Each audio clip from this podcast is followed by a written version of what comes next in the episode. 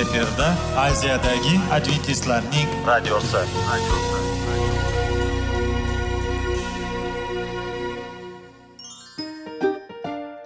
assalomu alaykum aziz radio tinglovchilar sog'liq daqiqasi rubrikasiga xush kelibsiz. Zero tananing sog'lom bo'lishi va uning kasalliklardan saqlash har bir insonning burchi hisoblanadi. Inson uchun bebaho boylik bu sog'liq salomatlikdir. Uni asrash esa har birimizga omonat qilib berilgan. Shuning uchun ham inson o'z sog'lig'ini ehtiyot qilishi va ajib amallardan hisoblanadi.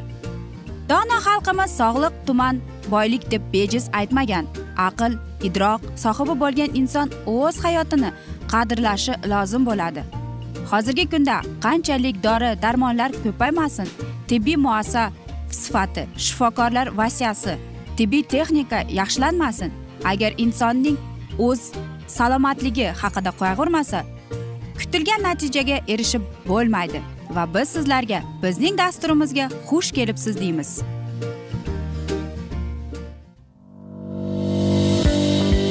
Sog'liq daqiqasi soliqning kaliti qiziqarli ma'lumotlar faktlar.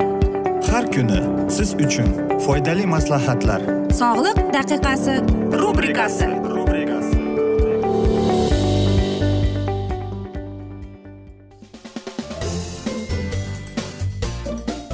assalomu alaykum aziz radio tinglovchilar. Dasturimizga xush kelibsiz va biz sizlar bilan besh daqiqa sog'liq uchun deb atalgan dasturimizda. Xushvaqt bo'ling deb aytamiz va bugungi bizning dasturimizning mavzusi bu selin va vitaminlar. Saratonga qarshi davolash deb ataladi. Umuman sizlar aytasiz selin bu nima deb? Selin bu bir element ya'ni u bizga aytaylikki yog'lar bilan kurashishga yordam berib keladi. Va e, oxirgi yillari shu narsani tushundikki xitoyda ayniqsa guruch o'sadigan joylarda selin borligini va aynan mana shu selin yetishmovchilikning oqibatidan deyapti ko'proq e, hayvonlar kasal bo'ladi. Ya'ni ular o'smaydi va qorinda vafot etishining ko'pligi kelib qoladi deydi. Agar deydi ularning ovqatiga selin ko'p qo'shsak deydi qo'shganda deydi aynan mana shu anomaliyalar yo'q bo'lgan ekan. Selin vitamin ega o'xshab u antioksiditin hisoblanar ekan.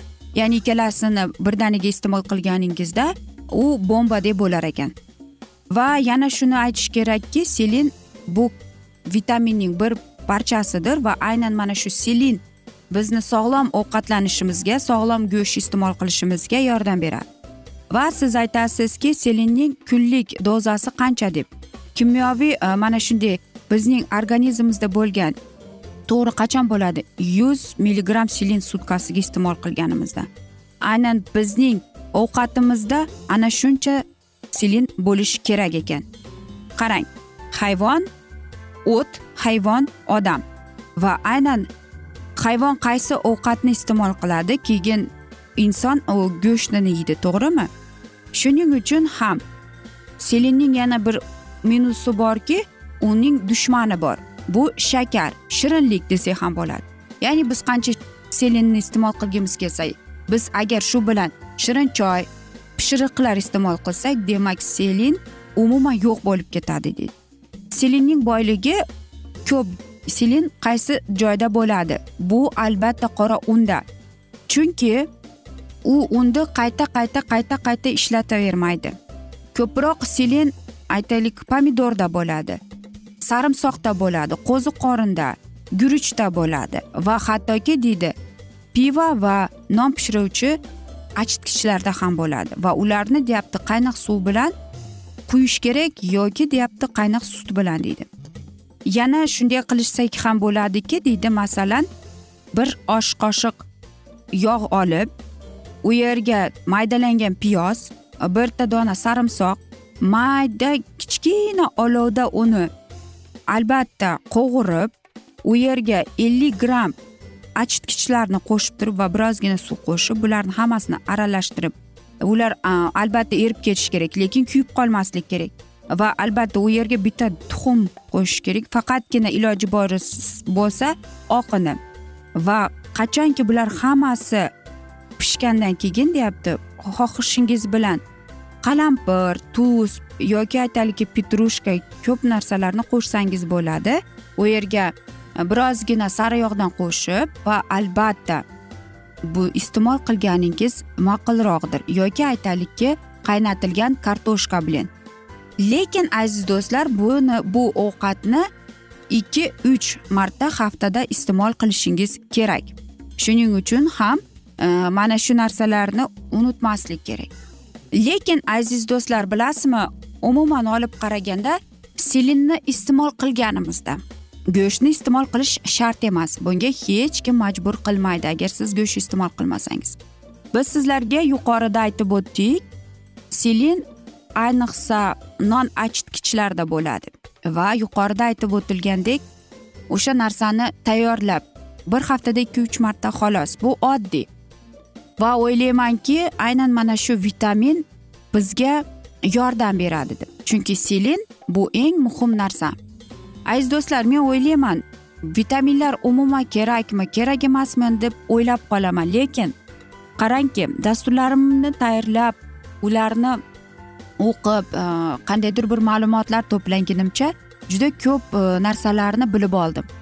Qarang men masalan hech bir o'ylamagan ekanman qaysi ovqatda qanday vitaminim borligini qaysi mening tanamdagi e, organlarim nimaga muhtojligini.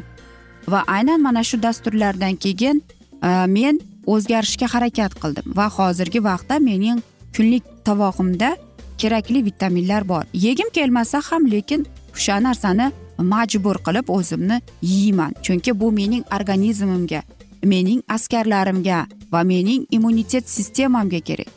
Va agar siz e, mana shu narsani iste'mol qilgingiz kelsa sog'lom bo'laman desangiz albatta avvalambor shifokoringiz bilan maslahat qilib ko'ring. Balkim sizda qandaydir kasallik bordir balkim qandaydir sizda mumkin emasdir bu narsalar. Shuning uchun ham avval shifokorga borib kerakli analizlarni topshirib bo'lganingizdan keyingina qanday vitaminlar yetadi qanday vitaminlar yetmaydi bilib olasiz. Va shundagina siz davolanishingiz mumkin.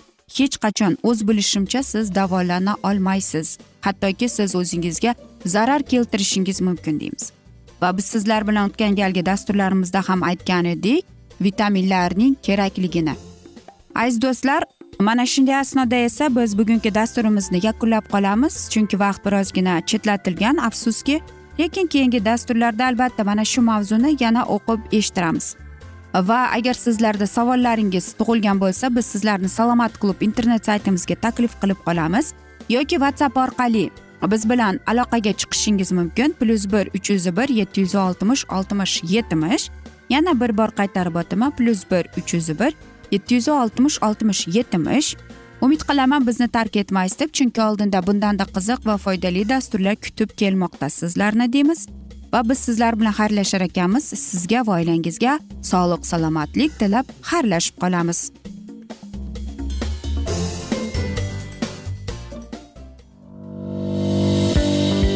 Sog'liq daqiqasi soliqning kaliti qiziqarli ma'lumotlar faktlar. Har kuni siz uchun foydali maslahatlar. Sog'liq daqiqasi rubrikasi.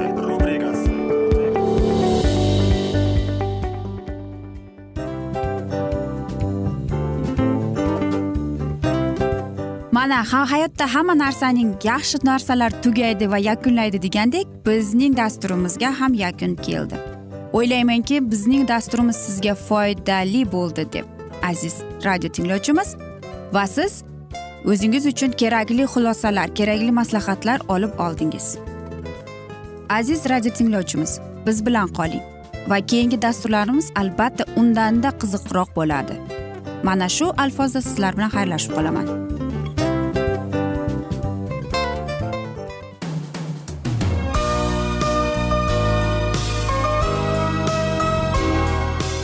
Efirda aziyadagi adventistlarning radiosi. Radiosi.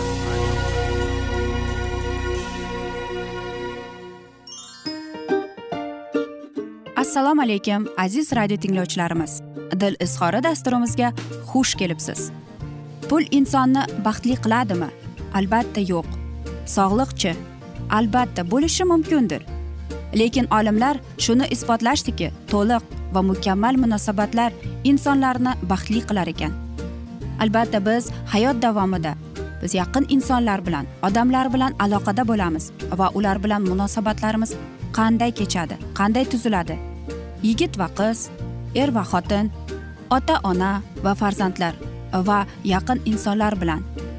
Balkim hozirgi vaqtda kimnidir hayoti yoki munosabatlari buzilyapti va bizning dasturlarimiz ularga yordam bo'ladi deb va oldinda sizlarni qiziqarli intervyular va mavzular kutyapti va biz umid qilamizki siz biz bilan qolasiz deb.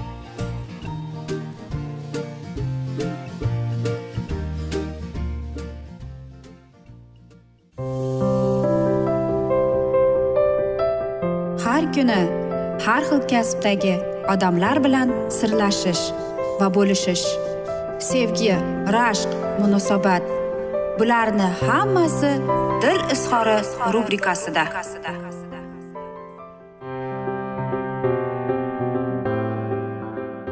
Assalomu alaykum aziz radio tinglovchilar. Dasturimizga xush kelibsiz va biz sizlar bilan ajoyib sevgi deb nomlangan dasturimizda xushvaqt bo'ling deb aytamiz. Va bugungi dasturimizning mavzusi tekizlik deb ataladi. Va sizlarga shunday savol tug'iladiki aytingchi munosabatlaringiz doimo tekisda ketadimi yoki bir qolipda ketadimi? Va o'ylaymanki ko'pincha javoblar yo'q bo'ladi. Albatta nafaqat er xotinning munosabatlari bir tekisda ketishi mumkin balki oddiy sevishganlar ham uchrashib yurgan mahalda ularning munosabatlari tekisda ketmaydi.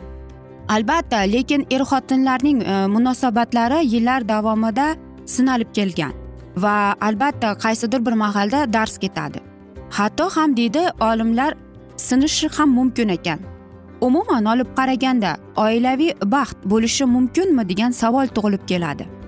Qarangki psixolog va e, seksopatologlarning ta'kidlashicha oilaviy baxt uchun ko'p narsa kerak emas. Baxtiyor oila bu bor narsa. Bunday oilada faqat bir tomon emas balki erkak ham ayol ham o'zini baxtiyor his etishi kerak deydi.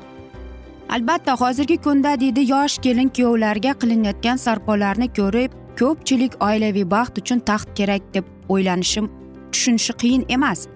Lekin yosh er xotinni boshlang'ich oilaviy hayotida imkon qadar ko'proq buyumlar bilan ta'minlab ularning turmushidagi barcha moddiy ehtiyojlarini oldindan qoplab qo'ysak er xotin bekami ko'z yashab baxtiyor turmush kechiradilar deb xato o'ylayotganmiz. Keyin esa qancha sarpo qilinishidan qat'iy nazar ajralish xafachilik va oila barbod bo'lishini ko'ramiz. Mebel qancha qimmatlashmasin sarpo kiyimlari qanchalik ko'paymasin oilani saqlab qolish imkoniyati unga bog'liq emasligini tushunib yetamiz. Albatta ko'pchiligimiz o'ylaymizki oilaviy baxt aynan mana shu buyumlardan sarpolardan iborat deb. Lekin afsuski unutib ham qo'yamizki e, bu erkak va ayolning munosabatlari bir biriga to'ydan keyin bo'lish o'rganishi ularning bir biriga qanday mehrda qanday muruvvatda munosabatda bo'lishadi qanday hurmati ehtiromda bo'ladi. Eng avvalo esa boshlang'ich oilaviy hayotida muhimi shu. Qanchalik bir biringizga e'tiborli g'amxo'r bo'lsangiz ana shundagina kelajakdagi oilaviy hayotingiz bekami ko'z bo'lishiga kafolatdir. Va albatta oilaviy baxt bu avvalo erkak va ayol o'rtasidagi munosabatlarning natijasidir. Unga katta oila sarpolar va hatto yangi moshina ham ijobiy ta'sir ko'rsata olmaydi. Er xotin munosabatlarining yaxshilanishi ham yomonlanishi ham ularning bir biriga bo'lgan munosabatiga bog'liq. Bu ehtiros tufayli jo'sh urayotgan jinsiy munosabatlar emas balki ota onasi qilgan sarpolardan kelib chiqadigan moliyaviy munosabatlar ham emas. Qaynona xizmatini qilish kerakligini ta'kidlovchi ijtimoiy munosabatlar ham emas. Baxtli hayot uchun kerak bo'lgan er xotin orasidagi eng muhimi bu munosabat bu bir biridan minnatdor bo'lish munosabatidir. Er xotin munosabatlaridagi eng katta xatolik bu bir biridan minnatdor bo'lmaslik. Va mana shu joyda sizlarga savol berib o'tmoqchiman. Bugun siz o'z turmush o'rtog'ingizdan minnatdor bo'ldingizmi? Erkak ayoli unga chiroyli nonushta tayyorlagani uchun ichida bo'lsa ham minnatdor bo'lishni bilishi kerak. Chunki ayoli uchun uning harakat uchun qildi uni ko'nglini olishni istadi. Ya'ni ayoli aynan u uchun tinmayotganini tushunib qadrlashni bilishi kerak. Hamma shundayku demay men uchun faqat shu ayol shunday deya o'zini xursand qila olishi kerak. Xotin bo'lgandan keyin qiladida demak berilayotgan e'tibor uchun avvalo taqdiridan keyin esa ayolidan minnatdor bo'lishi bilishi kerak deyiladi. Ayol ham eridan minnatdor bo'lishni o'rganishi lozim. Bozorlik qilib kelsa uning uchun bolalari uchun harakat qilayotganini tushunishi kerak. Tunda unga yoqimli harakat qilayotganini sezgan ayol ichida ham eridan minnatdor bo'lishi kerak. Chiroyli kiyim yoki sovg'a so'rab olib eriga bor xursandchiligini ko'rsata bilishi kerak. Ayolmi erkakmi? O'z turmush o'rtog'idan olayotgan barcha munosabatni norma singari qabul qilishi bu noto'g'ri. Oila degan kemani cho'kib ketmasligi uchun ikkovi harakat qilayotgan bo'lsa demak ular bir biri uchun harakat qilmoqda. Shuni ikkovi ham anglashi lozim. Minnatdorchilik insonni qanoatlantiradi. Ota onasini qarzga botirib uyini yasattirgan ayol eridan minnatdor bo'la olarmikin? Kuyovlik xizmatini qilmay turib bosh oyoq ta'minlab qo'yilgan er ayolni qadrlay olarmikin? Psixologiyaning qaysi rukuniga yuzlamang baxtli munosabatlarning negizida minnatdorchilik hissi yotadi. Bizning dinimizda ham mana shu shukronalik deb aytamiz. Masalan muhimi yaxshilikni ko'ra bilish. Misol uchun eri boshqa ayol ko'nglidan chiqib xotiniga qo'pollik qilayotganda minnatdor bo'lish aslo kerak emas. Yoki bo'lmasa kuni bilan ijtimoiy tarmoqlardan boshini ko'tarmay kuzguni oldidan ketmaydigan ayolga ham minnatdorchilik shart emas. Lekin ozmi ko'pmi oilam uyim joyim bola chaqam deydigan erkak va ayol o'zaro bir birlariga minnatdorchilik hissini ko'rsatishni o'rganishlari lozim.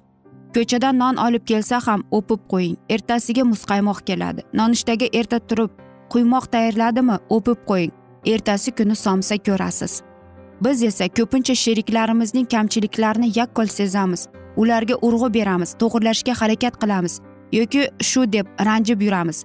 Kunda qilinayotgan yaxshi amallarga esa oddiy holdek qaraymiz. Ko'zga ko'rinarli joyga qoldiradigan birgina rahmat yozuvi uni o'qigan insonning qalbini bir zumda yoritishga oladi. Sinab ko'ring bugun turmush o'rtog'ingizga har kuni qilib yuradigan biron ishi uchun undan minnatdor ekanligingizni ko'rsating. U ish mayda bo'lsa ham minnatdor ekanligingizni sezsin. O'pib minnatdorchilik so'zlarini ayting. Xursandchiligingizni namoyon qiling. Qilgan oddiy ishini sovg'a singari qabul qiling. Natijasini sizni juda tez xursand qilishiga aminmiz. Aziz do'stlar biz esa mana shunday asnoda bugungi dasturimizni yakunlab qolamiz chunki vaqt birozgina chetlatilgan lekin keyingi dasturlarda albatta mana shu mavzuni yana o'qib eshittiramiz. Umid qilamizki bizni tark etmaysiz chunki oldinda bundanda qiziq va foydali dasturlar kutib kelmoqda deymiz. Biz esa sizlarga va oilangizga sog'lik salomatlik tilab seving seviling deb xayrlashib qolamiz.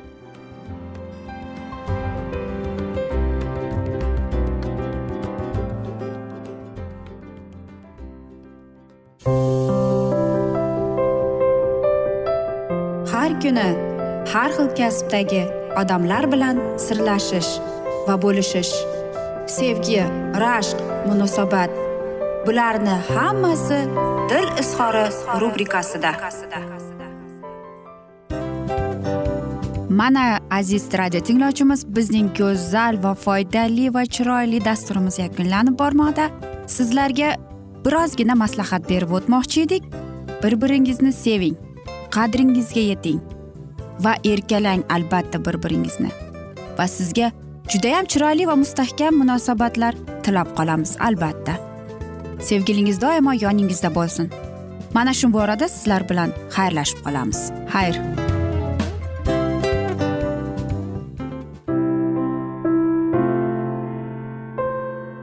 Hayotning noni. Qiziqtirgan savollar va javoblar. Buning hammasi ko'ngil uchun oziqa rubrikasida.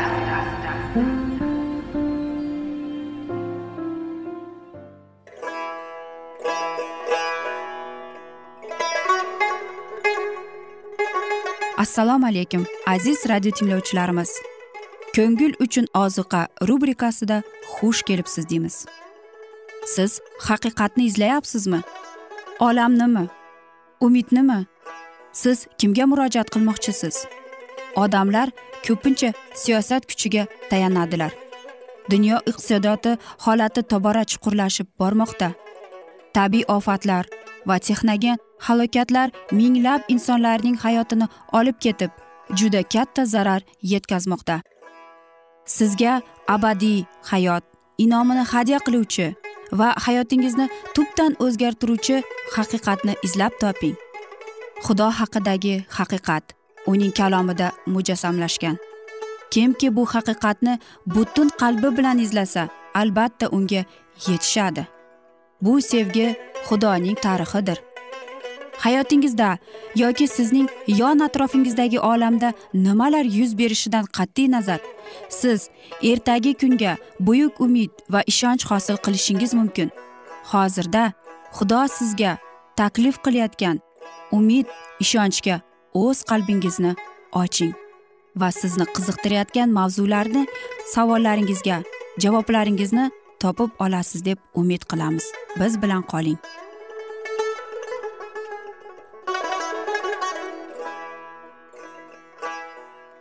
Assalomu alaykum aziz radio tinglovchilar. Dasturimizga xush kelibsiz va biz sizlar bilan ulug' otalar va payg'ambarlar deb nomlangan dasturimizda xushvaqt bo'ling deb aytamiz. Va bugungi bizning dasturimizning mavzusi bu qadimgi va zamonaviy spiritizm deb ataladi. Muqaddas yozuvning ko'pgina tadqiqotchilari uchun kitobda tasvir etilgan shouning ayn dur sehrgariga tashrif buyurmog'i fahmsizlikning manbaidir. Qay birlari shamoil shoul gaplashgan bilan deb tasdiqlaydi ammo shunday fikrga muqaddas kitobda asoslangan juda ko'p raddiyalar bordir. Agar qay birlarning isbotiga ko'ra shamoil osmonda bo'lganida u ilohiy kuch yoki iblis kuchi ta'siri orqali qoiniyatdan tushishi lozim edi. Betafi xotinning sehrini tasdiqlash uchun shaytonda ilohiy muqaddas payg'ambarni tushiradigan kuch qobiliyati bor deb hatto bir lahzaga shunday fikrga yo'l qo'yib bo'lmaydi. Xudo chunki bundan ilgari xudo shovul bilan na tushida na o'rim orqali na payg'ambarlar orqali muomala qilishdan tondi. Ushbu muomalada vositachilarni xudoning o'zi tayinladi va u hech qachon ularni mensimay o'z irodasini shayton aslahalari orqali e'lon etmaydi. Shoul folbindan olgan xabarning so'zlarida ularning kelib chiqishi aniq isbotlangandir. Ularning maqsadi shoulni tavba qilishga emas balki nobud bo'lishiga yo'llantirish edi ushbu esa xudoning ini emas shaytonning fikri zikri haddan tashqari aynan sehrgarda yordam qidirgan shouning xatti harakati uning tark etilishining va halok bo'lishining sabablaridan biri ekaniga ko'rsatardi. Shunday qilib shoul xudodan xudovand oldida qilgan qonunsizligi uchun o'ldi. U xudovand so'zlariga amal qilmay xudovandni chaqirmay savoli bilan sehrgarga murojaat qilgani uchun o'ldi. Shuning uchun xudo shoul halok bo'lishiga yo'l qo'ydi va saltanatni dovudga ishay o'g'liga berdi. Aniq aytilganki shoul xudodan emas sehrgardan so'ragandi. Ilohiy payg'ambar shamuil bilan emas balki sehrgar yordami orqali shayton bilan gaplashgan. O'z hiylagar niyatiga yetishish uchun shayton atigi shamoil qiyofasiga kirdi chunki u haqiqiy shamoilni namoyon qila olmaydi. Qadimgi spiritizm va sehrgarlikning deyarli hamma turlari o'liklar bilan muloqotning mumkinligiga asoslanardi. Qora sehrgarlik ila shug'ullanganlar o'lganliklarning jonlari bilan gaplashishlarini isbotlaydilar. Ulardan kelajakni bilishlari uchun emish. Ushbu o'liklar bilan muloqot tuzish odatida ishoyo payg'ambar ham yo'llaydi. Sizlarga o'lganliklarni chaqirib chiqaradiganlarga murojaat qiling. Sehrlarga kina qil soladiganlarga va folbinlarga murojaat qiling deganlarida xalq o'zining xudovandiga murojaat qilish kerak emasmi?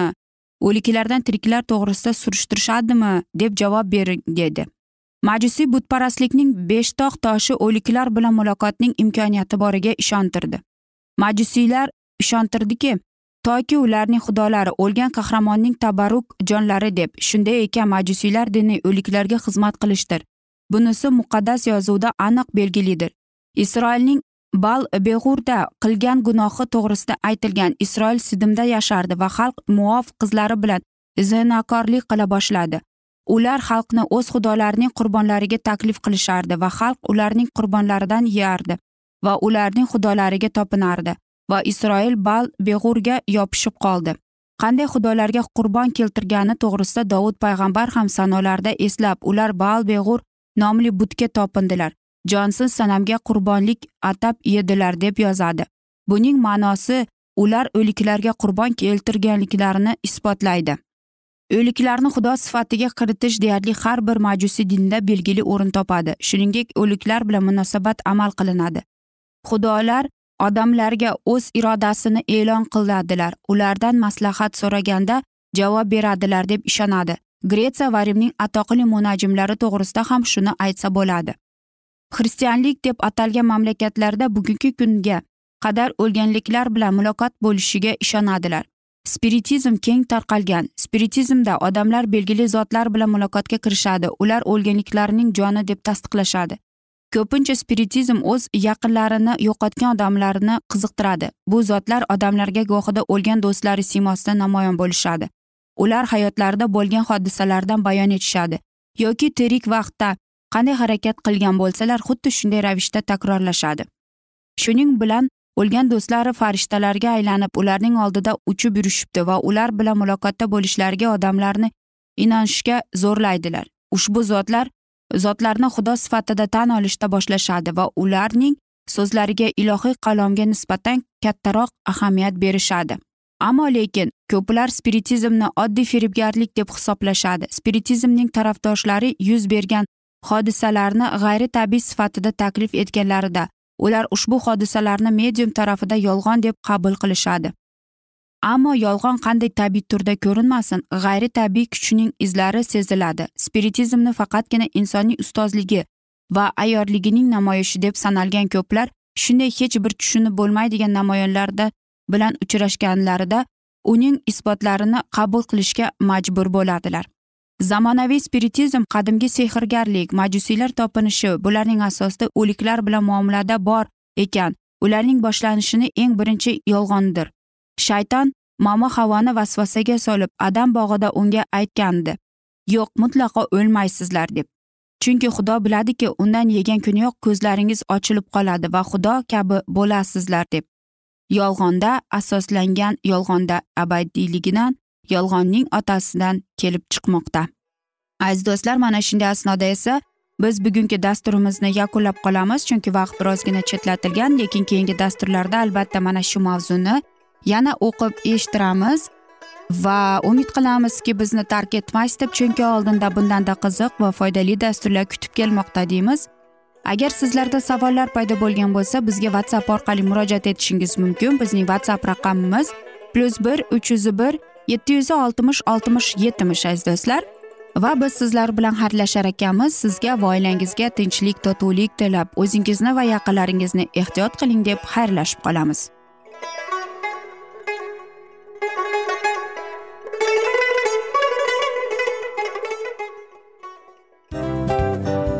Hamma narsaning yakuni bo'ladi degandek afsuski bizning ham dasturlarimiz yakunlanib qolyapti.